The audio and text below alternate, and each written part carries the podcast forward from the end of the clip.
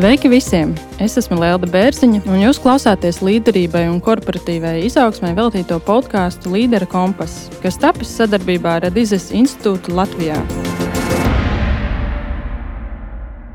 Adizes institūts jau gandrīz 50 gadus palīdz organizācijām un komandām transformēties un veicināt veselīgu attīstību. Šajā epizodē par to, kāpēc pārmaiņas ir vajadzīgas, ko mums ar tām darīt, vai uzskatām, ka labi tiekam ar tām galā kāpēc svarīgi tās pieņemt un kādi faktori ir būtiski, lai tās vadītu, un ko tas maina. Par to parunāsim ar šīs dienas viesi Ervīnu Dortiņu. Ervīns ir izpilddirektors ar vairāk nekā 20 gadu pieredzi banku, nekustamā īpašuma attīstībā un automobīļu nozarē, biznesa stratēģijā, izmaiņu vadībā, attiecībās ar ieguldītājiem, sarunās, naudas plūsmas vadībā, vadībā un finanšu pārskatos, iekšējā auditā un procesa vadībā. Spēcīgas zināšanas Adizes metodikā ar profesionālu kvalifikāciju finansēs un tiesībās no Latvijas Universitātes. Vairākus gadus līdz šim Ervīns ir kāpis pa karjeras kāpnēm uzņēmumā Latako, kas ir viens no vadošajiem autonozares uzņēmumiem Baltijā. Labdien, Ervīn! Sveiki, Lelde! Man ir tiešām prieks sveikt līderības kompasā. Jā, paldies! Tev. Nu ko, un sākšu ar tādu Adizes metodoloģiju netipisku jautājumu. Saka, kāda būtu tā reakcija, ja rītdien no rīta pamostos ar noskūtiem matiem vai drediem zaļā krāsā? Mm, diezgan labi, es domāju. Kāds ir padarījis ļoti labu darbu, ilgi strādājis. Es domāju, es novērtētu, un faktiski es to dienu izbaudītu. Es nezinu, vai es to tā atstātu, bet to dienu noteikti varētu nu, izbaudīt. Kāpēc es tev to jautāju? Redz, nu, mums tēma šodien epizodē ir par pārmaiņām. Loģiski, paliec bez matiem, tās ir pārmaiņas. Jautājums, kā tu viņus uztver? Es zinu, ka tavā profesionālajā dzīvē m, mm, ir pārmaiņas. Saki man, lūdzu, kas bija tie faktori vai kas bija tie apstākļi, kas ietekmēja šādas pārmaiņas tavā dzīvē? Mēs visi augam. Mēs piedzimstam mazi bērni, mēs sākam staigāt. Ja mācāmies braukt ar velospēdu, sākam braukt ar velospēdu, mums sāk patikt. Un tas pats ir arī mm, profesionālajā dzīvē. Tu kaut ko dari līdz kādam brīdim, kad tu saproti, ka tu gribi darīt kaut ko citu. Tu gribi darīt kaut ko savādāk, varbūt ar citiem cilvēkiem, varbūt citā vidē. Katram tas ir savs. Un līdzīgs punkts pienāca arī man. Un tajā brīdī man bija jāizvēlās, vai nu es palieku tajā vidē, vai nu es mainu, lecu nezināmajā. Mm, un mani mācījuši, un es piekrītu, ka jālec nezināmajā. un tas, tas tev dod to attīstību. Jā, līdz ar to tāds arī lēmums. Pārmaiņām tavā dzīvē ir liela nozīme vidē, kurā tu atrodies. Varbūt. Vēl ne tikai vidē, bet e, īstenībā tas ir tā, kā es saku, katram tas ir cits. E, vienam tā ir nauda, vienam tā ir vāra, vienam tā ir e, palīdzība cilvēkiem, Vienam tā ir pašizpausme, ja, kļūt, kļūt labākam, kļūt varbūt lielākam speciālistam. Nu, līdzīgi ir, ir man. Ja, es, es jūtu, ka tas, kā mēs to darām, un tajā vietā, kur mēs to darām, nu, īsti vairāk nesaskan ar to, kā es vēlētos to darīt. Un, nu, tad tev jāizlemj, vai nu tu turpini pārkāpt sev, vai nu tu meklē to, kas nu, tev atbilst. Un, jā, es zinu, ka ne visu to var atļauties. Varbūt dzīvē daudziem ir tādas vēlmes, bet nav iespējas. Bet man tāda iespēja bija, un līdz ar to es to izmantoju. Tu atceries to dienu pēc, kāda viņa bija? Kas bija tās īpašības, kas, teiksim, ko tu varētu raksturot, kas tev palīdz pārmaiņas uztvert nevis kā problēmas, bet kā izdevības? Nu, skaties, es nedomāju, ka uh, mēs ļoti daudz atšķiramies kā, kā, kā no reakcijas viedokļa. Es domāju, ka visiem, jebkuras pārmaiņas rada, pirmais ir, nu, es domāju, šoks, varbūt nepatika, varbūt uh, nesaprašana.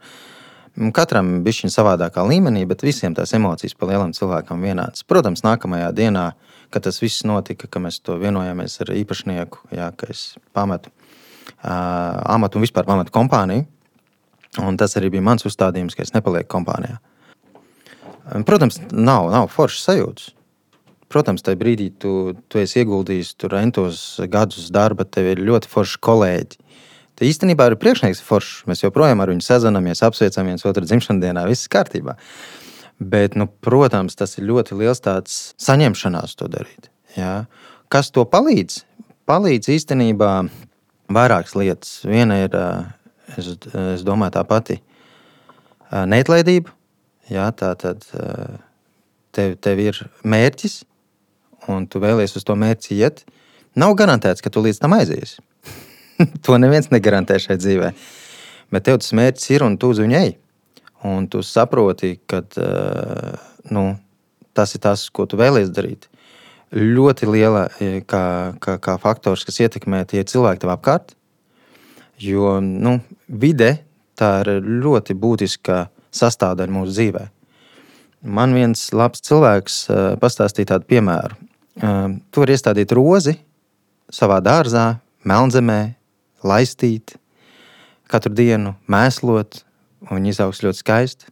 Tu vari iestādīt to pašu rozi tuksnesī. Nelaistīt, nemēslot, un viņi arī izaugs. Tikai atšķirība būs diezgan liela. Jā, jā. Un arī man ir paveicies, ka mani cilvēki, kas man ir apkārt, kas ir ģimene, māte, sieva un, un, un radi draugi, arī man atbalsta šajā, šajā ceļa posmā. Tas arī atbalsts un tā īpašība, kas droši vien palīdz, ir ļauties viņus uzklausīt. Jā, jo bieži vien mēs visi gribam darīt visu paši. Mm -hmm, ir pats, pats gudrākais, bet bieži vien taisnība jau ir ārā. Tev tikai jāpaklausās un jāieklausās. Kā, kā vēl kā, kā īpašība ir patiešām tās pārmaiņas uzņemt nevis kā, kā kaut ko ļaunu, bet kā kaut ko jaunu. Un tad vispār nav problēma. tad, tad par to nav jārūpējas ja tu, ja tu uztver to, ka tas ir jauns posms tavā dzīvē, tu, tu vienkārši ej uz priekšu. Īstenībā tā ir ļoti lieliska sajūta. Es domāju, ka, ja tu esi algots darbinieks, tad tu to sajūtu tā, tu no viņas baidies. Tādēļ, ka reāli tu viņu ļoti reti izjūti, jo tu pa lielam esi no kaut kā atkarīgs. Uzņēmējs tāpat laikā to sajūtu ir trenējis no saviem pirmsākumiem. Jo faktiski katra diena, un es domāju, es nekļūdīšos, ja es teikšu, ka lielākajai daļai biznesmeņu Latvijā un ārpus Latvijā tas ir nu, līdzīgi, viņi katru dienu cīnās par izdzīvošanu. Vai nu tas ir ar piegādātāju, vai nu tas ir ar, ar valsti, vai nu tas ir ar darbinieku aizgājošo, vai tas ir ģimenes problēmām, kas traucē biznesu. Bet viņi to uztrenē. Un vienā brīdī viņi to nenovērtē, ka darbinieks to īsti nesaprot. Jo faktiski viņi to trenējuši visu mūžu. Tā, tas ir tāds komplekss, nav tādas vienas, vienas īpašības, kas to noteiktu. Ļoti labi pateicis, jā, kā, kā atšķirās tā domāšana. Es, es domas aizvirzījās par pārmaiņām kā tādām. Šis termins man pat ir patiesībā mazliet bail viņu aizskart, bet viņš ir ārkārtīgi būtisks. Ka tīpaši, kad runā no uzņēmēja skatu punkta, jo uzņēmēja ikdiena principā katru dienu ir risināta kaut kādas pārmaiņas, mazākas, lielākas. Cilvēkiem ir tāda ļoti skeptiska attieksme pret vārdu pārmaiņas. Pirmkārt, viņš ir nu jau pēdējo divu gadu laikā ir ļoti bieži lietots. Otram kārtām tas īsti nu, pārmaiņas, ka pats vārds par sevi neko diži daudz neizsaka. Viņš ir ārkārtīgi plašs. Kādas ir tavas domas par to, kāpēc ir svarīgi prast apieties ar pārmaiņām? Un ko tas, ko tas maina un kas var notikt, ja to nedara? Jā, Liela, tas, tas kā teikt, neesmu kočs, neesmu, neesmu pasniedzējis, grūti teikt, bet man liekas, ka tas tāpat kā jebkurai spēlei man bieži vien arī ir sarežģītas lietas, vienkāršāk izskaidrot uz analogijām. Nu, pieņemsim, ja tu esi bērns, tev patīk uh, spēlēt vai nu šāhu vai spēlēt futbolu, nu, tu nevari visu laiku sist vienā stūrī. Nu, nekas nesanāks. Nu, tu nevari visu laiku iet ar to bandinieku, visu laiku vienā veidā. Nu, nesanāks. Dzīve tā nestrādā. Un, uh, faktiski tas, ko tu dari, tu sāc sist bumbu citos stūros, tu sāc sist galvu, tu sāc iet nevis ar bandinieku, bet ar laidni. Īstenībā tās jau ir tās pārmaiņas. Mēs jau viņus uztveram, ka tas ir nekas, bet īstenībā tās jau ir tās pārmaiņas. Faktiski pārmaiņas ir sava veida, sava, sava, savu prasmju paplašināšana. Prasmju loka paplašināšana. Tu, tu kļūsti elastīgāks, tu, tu sāc saprast gan citus, tu sāc saprast savas iespējas. Tas tev dod to. Un īstenībā pārmaiņas, lai man daži piedod, ir arī nopirkt eh, viena piena, vietā, viena piena markas vietā citu. vienkārši noriskē kāds. Ja? Vai, ja tu ej uz darba kājām, izvēlies kādu citu maršrutu, aiziet pa citu ielu, pavēro tās mājas. Ok, tās nav pārmaiņas, teiksim, internacionālajā līmenī, bet tās ir pamaini pats sevi, padari to dzīvi bišķiņu savādāku. Ja? Paskaties uz lietām uz citu pusi, no citas puses. Ja?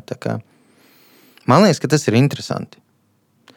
Varbūt tas kādam ir biedējoši. Nu, iet pa citu ielu droši vien, ka nē, bet tādas nopietnākas lietas. Bet faktiski, jā. Un tas pats ir arī bērnam. Bērns, tekšu, paskatieties, viņš visu laiku tekšu, sitās. Vai ne? Maziņš krīt, skrien, raud. Bet viņš mācās. Un uh, mācies tu tikai tad, kad tu saskaries ar grūtībām. Tad, kad tu dari to, kas jau ir labi zināms, tu īstenībā nemācies. Jā, līdz ar to pārmaiņas ir tas tāds mūsu skolotājs, savu veidu dzīves skolotājs. Man ļoti patika tas salīdzinājums, ko tu minēji ar uh, citas ielas izvēlēšanos, ar citu piena uh, ražotāju izvēlēšanos. Un, jo uh, tiešām arī korporatīvajā vidē bieži izskan viedoklis, ka, ja tu, piemēram, tādas lietas kā Mm, uzņēmuma vērtības neskaidrot cilvēkam saprotamā valodā, tad viņas neieviesīsies uzņēmumā. Jo cilvēkam tas nav saprotams. Viņam nav saprotams, kā ikdienas darbā viņš var parādīt uzreiz, ka viņš tiešām sakrīt ar šīm uzņēmuma vērtībām. Tāpēc man, man ļoti patīk tas salīdzinājums. Es zinu, sāk, es izmēģinu jaunu datorprogrammu. Man, man jāsaka, godīgi, man kaitina tas, tāpēc, ka tas ir nu, primāri tas gan ir saistīts ar laiku, bet tas ir kaut kas jauns, kas man nav uzreiz saprotams. Līdz ar to es ļoti labi šo analoģiju saprotu. Man uzreiz tā, tā, tā doma, vai tas ir saistīts kaut kādā veidā ar uh, latviešu bailēm riskēt, vai kur slēpjas tā negribēšana risku uzņemties. Tev ir kādas idejas par to? Te ir tāda lieta, ka Mēs esam brīnišķīgi tādēļ, ka mēs esam dažādi. Es noteikti nedomāju, ka uh, būtu forši, kad būtu visi grāmatveži vai visi uzņēmēji vai visi juristi tagad Latvijā. Jā, es nedomāju, ka mēs no tā kļūtu laimīgāki. Es domāju, ka tieši tā, tā brīnišķīgā lieta ir, ka mēs esam atraduši to savu lietu, uh, un tur iz, izdzīvojam tās pārmaiņas. Jo pārmaiņas jau nav tā, ka tagad visi iet un tagad uh, populāri ekonomisti, visi skrien uz ekonomikas fakultāti. Tā nav pārmaiņa. Tā ir mm, viņa aprobežotība. Bet faktiski katram izvēloties savu uh, to, to jomu, starp citu, mēs tagad sēžam studijā ierakstu. Mums blakus šeit kungs sēž. Un es domāju, ka viņa dzīvē arī pārmaiņu pietiekami daudz. Jauni instrumenti, jauni rīki, jauna informācija. Jauna un, telpa. Jā, jauna telpa, un viņš aug. un viņš caur tām pārmaiņām kļūst labāks. Līdz ar to nav tas viss jāpārvērš, ka tagad visiem būtu vienā tur lielā līmenī, tagad visiem jābūt par ministru prezidentiem vai, vai, vai, vai vēl, vēl kam, nezinu pat ko. Nē, katram ir tas savs, un tas grūtākais ir droši vien ir to pieņemt. Mm -hmm, yeah. Jo nevelti tāds teiciens, ka laimīgs ir tas, kuram pietiek. Grūtākais ir atrast, kas tas ir, kas tev pietiek. Jā, un katram tas ir savs. Līdz ar to tādas atbildes īstenībā uz to jautājumu es pat nevaru tev dot. Katram tas ir savs, un katram nu, kāds ir spēcīgāks, kāds ir mazāk spēcīgs. Un man liekas, ka tas ir brīnišķīgi. Un eh, runājot par to, ko iesāki par, par vērtībām un cilvēkiem un izskaidrošanu, angliski ir tāds te, teiciens walk the talk kas faktiski nozīmē, ka tu ne tikai runā, bet tu arī dari to, ko tu esi pateicis. Un man liekas, ka lielākā daļa problēmās, kas, eh, kur slēpjas uzņēmumos tieši ar vērtībām, kad viņas ir uzrakstītas, bet eh, pats uzņēmums viņas nepilda. Nu, visdrīzāk viņam šķiet, ka viņš viņas pilda. Jā, visa vadība domā, ka tas tā notiek, bet īstenībā darbinieks tā neuzskata. Un tas ir tā, tā, tā, tas, tas uh, svarīgākais jautājums, to saprast. Vai tas cilvēks, ar ko tu komunicē tās vērtības, vai viņš vispār viņas uztver, vai viņš tic viņām. Un, jā, ja tie ir tikai uzrakstīti vārdi, viņi neko nemaksā.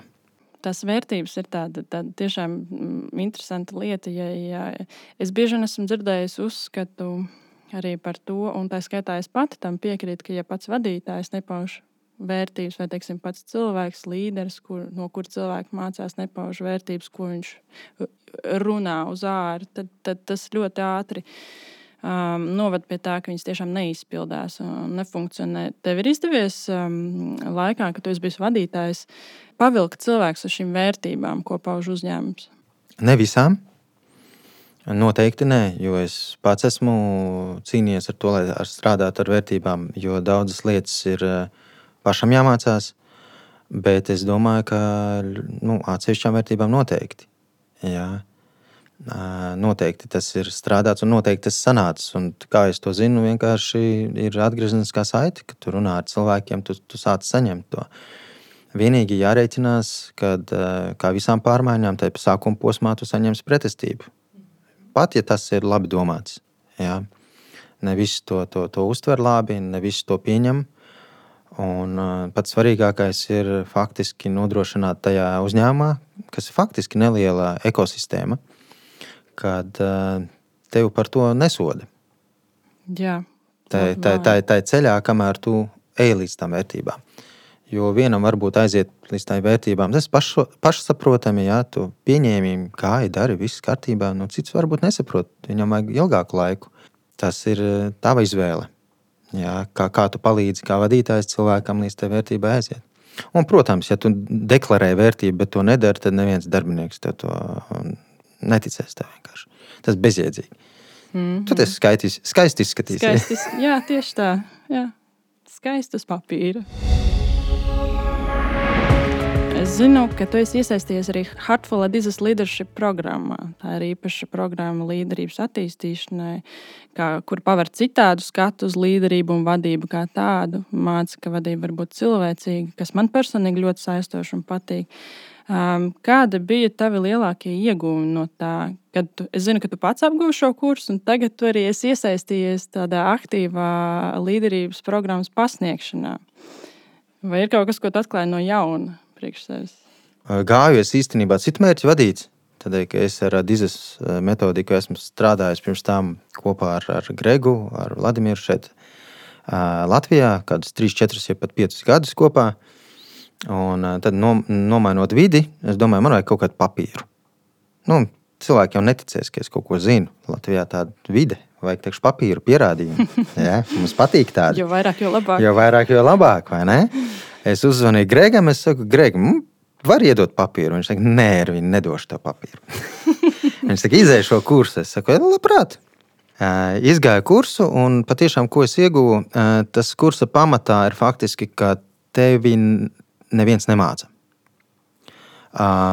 Paši dalībnieki, tātad ir sastādīta programma, un jūs paši, kā dalībnieki, ejat cauri tajai programmai, un jūs paši sevi mm, mācat, paši sev nu, ja pareizāk sakot, citiem dodat atgriezenisko saiti. Un, kad tu teici, pasniedzu, nu, es īsti nepasniedzu. Es tur esmu integrātora lomā, kas tikai palīdz virzīt pareizā virzienā, tajā brīdī, kad, kad var redzēt, ka kāds eh, nedaudz novirzās. Mēs esam tādi, tā kā, jā, patiešām integrātori, tas būtu tas pareizais vārds. Un, uh, man tas ļoti iepatikās, tā ideja. Otra lieta, tas kurs ir uh, U-Priced. Jā, tātad tas nozīmē, ka tu viņu ej bez finansiālām saistībām. Tātad tev ir vēlme to apgūt, tu ej, un pēc kursa tu pats vari izvēlēties, cik tu būtu gatavs maksāt. Tas dod to, ka tur sāk piedalīties cilvēki, kam tas patiešām interesē. Tas nav tā kā universitātē pēc 12. klases.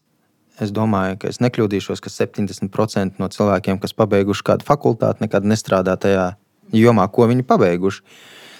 Šeit, protams, arī ir tā, ka cilvēki atkrīt, bet tur redzi atdevi citu. Tā ir cita, cita, cita deksme, latviešu runājot. Tur, tur cilvēki strādā, un visi viņi ir labos amatos.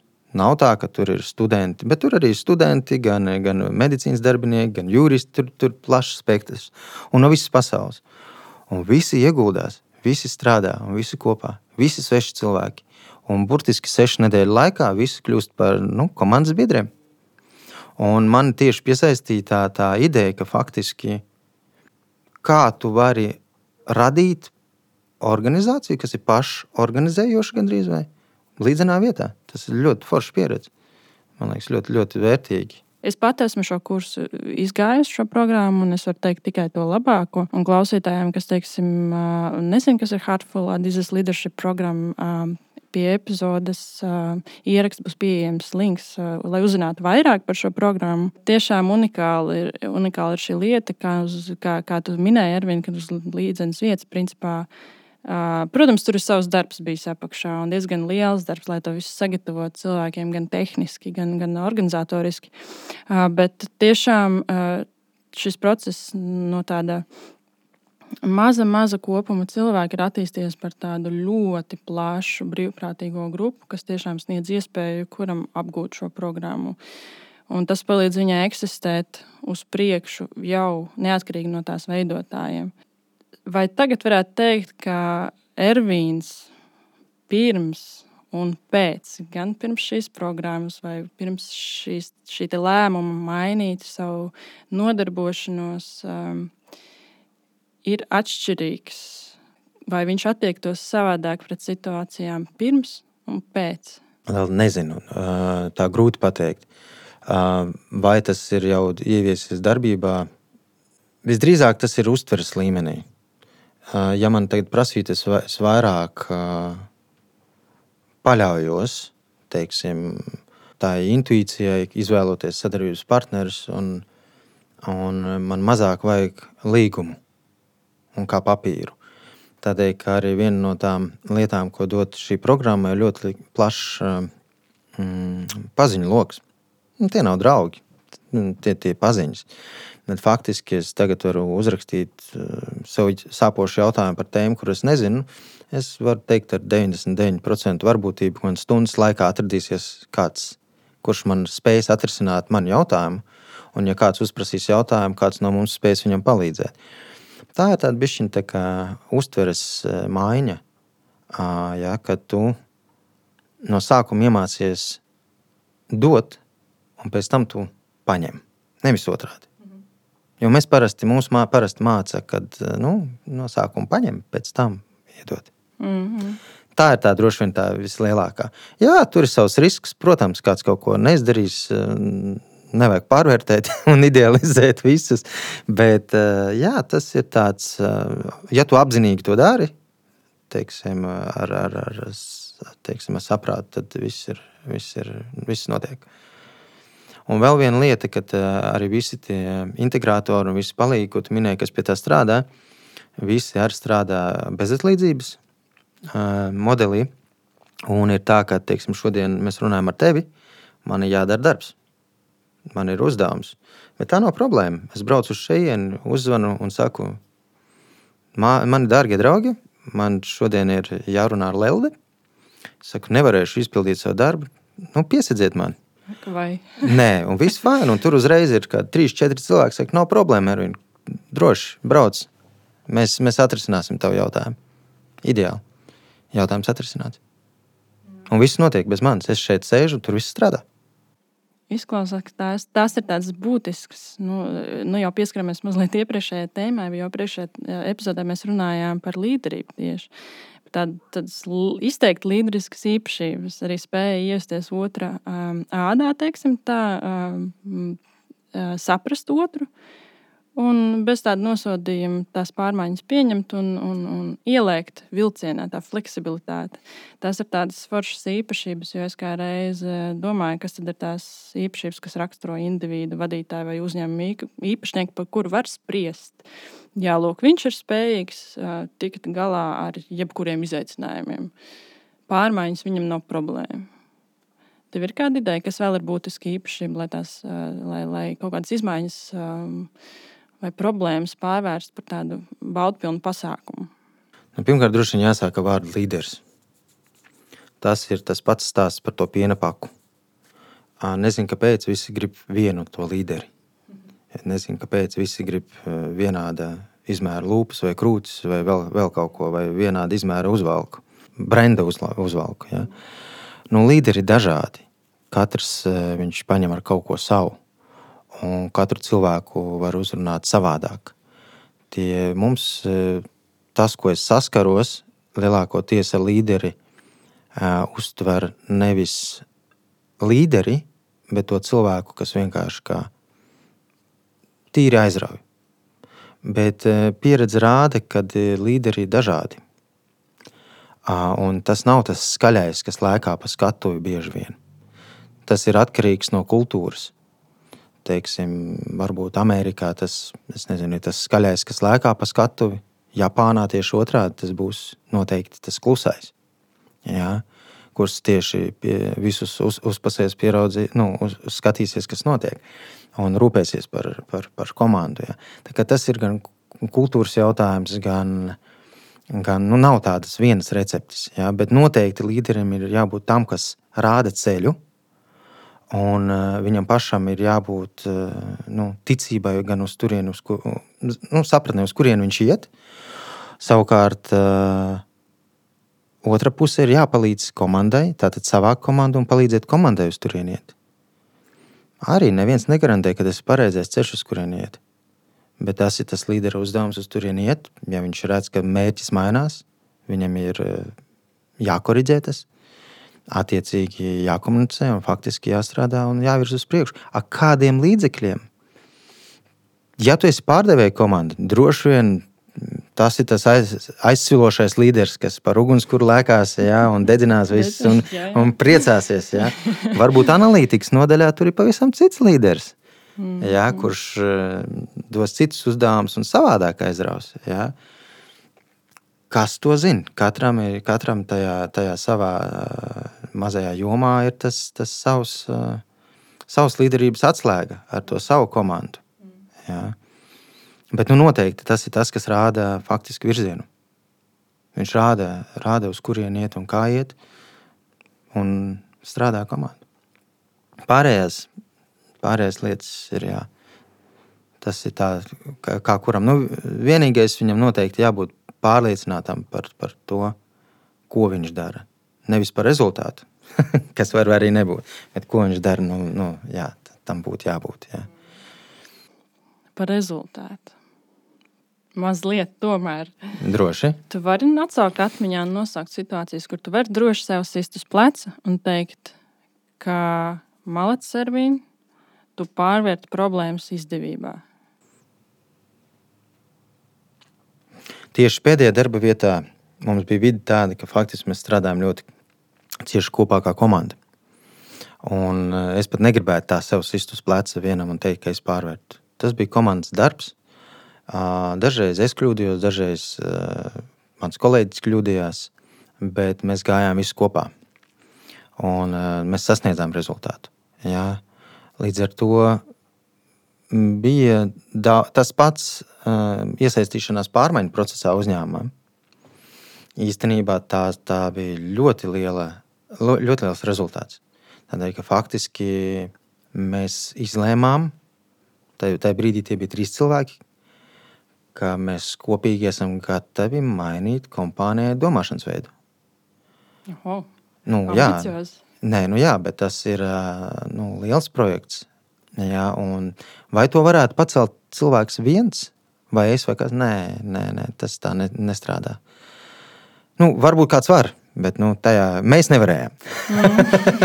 ja kāds klausītājs saka, Ervīn, ko tu stāsti, es noteikti varu. Droši un dari. Pamēģini. nē, nē, nē, droši un dari. Es nezaicinu, jā, vienkārši dari. Jā, gan, gan sanāks.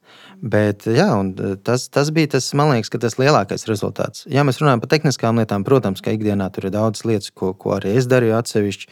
Bet es domāju, ka tas nav tāds, tāds klausītājiem interesants tāda, tā, tāda lieta. Bet jā, tieši pamainīt, kā cilvēki uztver, kad, kad mainās uzņēmuma vērtības, ka tiek gan deklarētas vērtības, gan viņas tiek mēģināts ieviest. Jā, tas ir rīktīgi labs sasniegums. Ne visu mums izdevās izdarīt, jā, tas arī jāatzīst, bet tik tālu, cik mēs izdarījām, tas bija ļoti forši. Ļoti liels gandarījums. Man jāsaka, godīgi, es neesmu bieži dzirdējis, ka uh, uzņēmums cenšas mainīt domāšanas veidu. Bieži vien tas skan. Mainīt cilvēkus, mainīt struktūru, mainīt izmaksas, bet mainīt domāšanas veidu tas ir kaut kas, uh, wow, tas ir ļoti, ļoti patīkami. Kā jums tas izdevās? Mm, Liela, tas ir process, tas neizdodas. Pie tā jāstrādā ikdienā. Es ceru, ka man tagad neno, netnāks no Amerikas tiesas prāva, bet ir tāds uh, Jordan Peterson. Uh, viņš ir, uh, viņš gan ir, uh, viņš gan ir profesors universitātē. Uh, Un viņam ir ļoti jā, gan arī skandalozi video, YouTube var kāds ierakstīt, un, un tur būs noteikti daudzi par un pret, un katrs varēs izteikties. Bet viņa viena, viena, viena no atbildēm, ko viņš atbildēja vienai studentei attiecībā uz pārmaiņām, ko, ko tu tagad pieskāries, ir ļoti vienkārši sāc ar sevi. Mm -hmm. Pārmaiņas uzņēmumā nenozīmē, ka tagad mēs visus mainīsim. Pārmaiņas uzņēmumā sākās tikai un vienīgi ar tevi pašu. Ja tu gribi, lai pasaule būtu bez atkritumiem, nemet.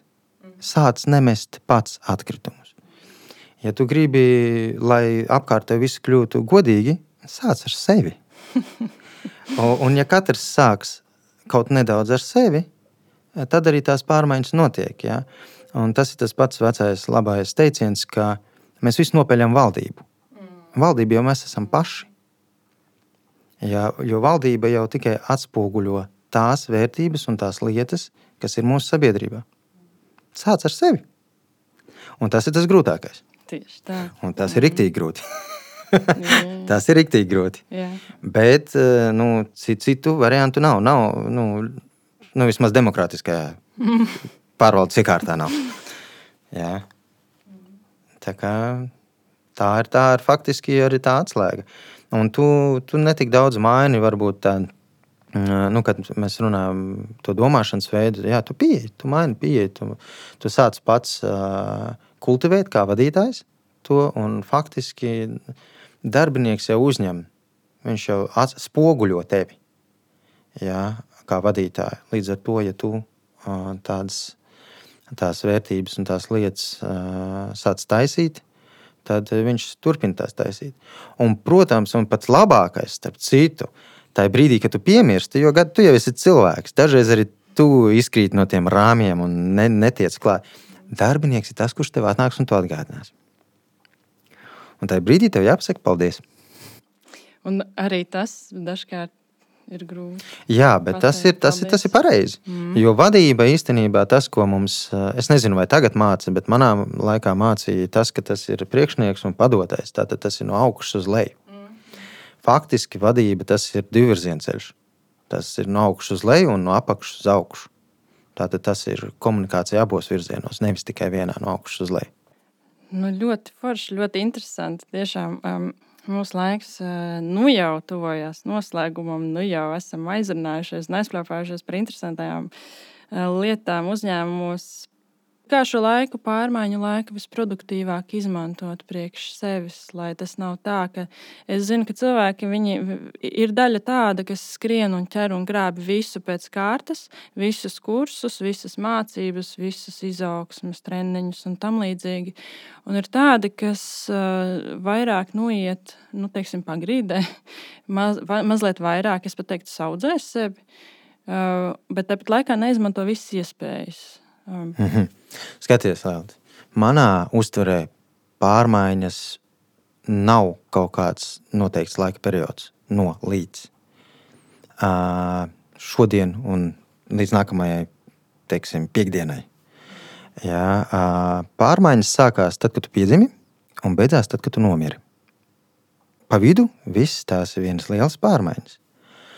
Un uh, katram arī tās pārmaiņu laiks ir, ir savs. Varbūt vienam patiešām vajag nolīst un atjaunot enerģiju.